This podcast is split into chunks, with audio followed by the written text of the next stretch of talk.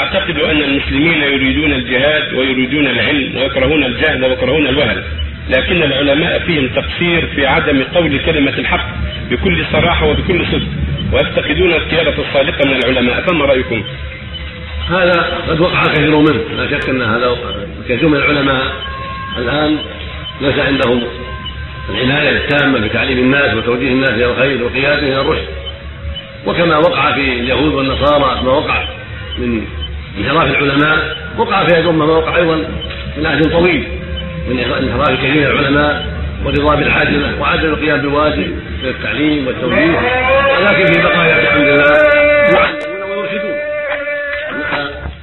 هم ورثة الأنبياء وهم القادة في كل زمان.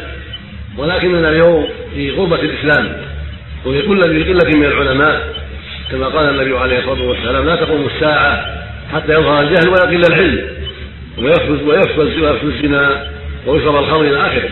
وقد وقع هذا الأمر من أزمان متطاولة. وقد قل العلماء وكثر الجهل وغلب على أكثر النفوس.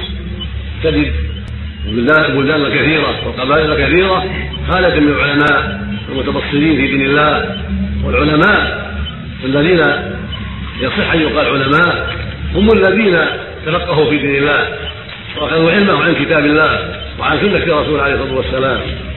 وليس العالم المقلد لفلان أو فلان الذي يعرف مختصرا من المختصرات أو كتاب من الكتب فيقلد أربابها ولا يدري عن كتاب الله ولا عن سنة رسوله. هذا لا يعد من العلماء بإجماع أهل العلم وإنما العالم هو الذي ياخذ علمه عن كتاب الله وعن سنة الرسول عليه الصلاة والسلام. وهذا اليوم قليل في الامصار والدول. هذا الصنف قليلون جدا. وقد ظهر بحمد الله حركات في مواطن كثيرة وبلدان كثيرة إسلامية تنشد الحق وتطلب الدليل وتعنى بالكتاب والسنة وهذا يبشر بالخير فنسأل الله أن ينمي هذه الحركات الطيبة وأن يزيدها خيرا وأن يبارك في العلماء الموجودين وأن يرزقهم البصيرة وأن يعينهم على أداء الواجب وعلى نشر الحق. وينبغي أن يعلم أنه وإن كان قد وقع التقصير من الكثير من العلماء فهكذا من الناس. من الشعوب والطلبة التقصير كثير فقل من يأتي العالم يسأله ويشجعه على أن يدرس أو ينشر العلم. هذا قد يعرض وهذا قد يعرض. والواجب التكاتف فإن العالم إذا سئل واتصل به الشعب واتصل به السائلون من طلبة العلم ومن غيرهم كان هذا ما يعينه على العناية بالعلم ومراجعة الآيات والأحاديث والاستعداد لإجابة السائلين ولإظهار العلم ونشره بين الناس.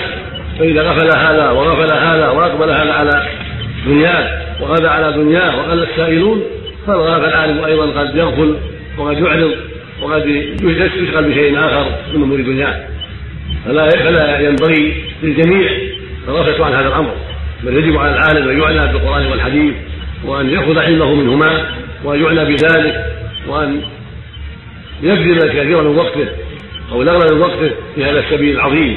حتى يكون علمه علما شرعيا نافعا ينفع ينفع الله به الناس.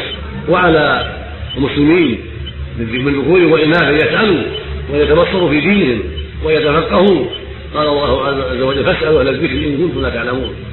قال النبي صلى الله عليه وسلم من سلك طريقا يلتمس فيه علما سهل الله له طريق الجنة.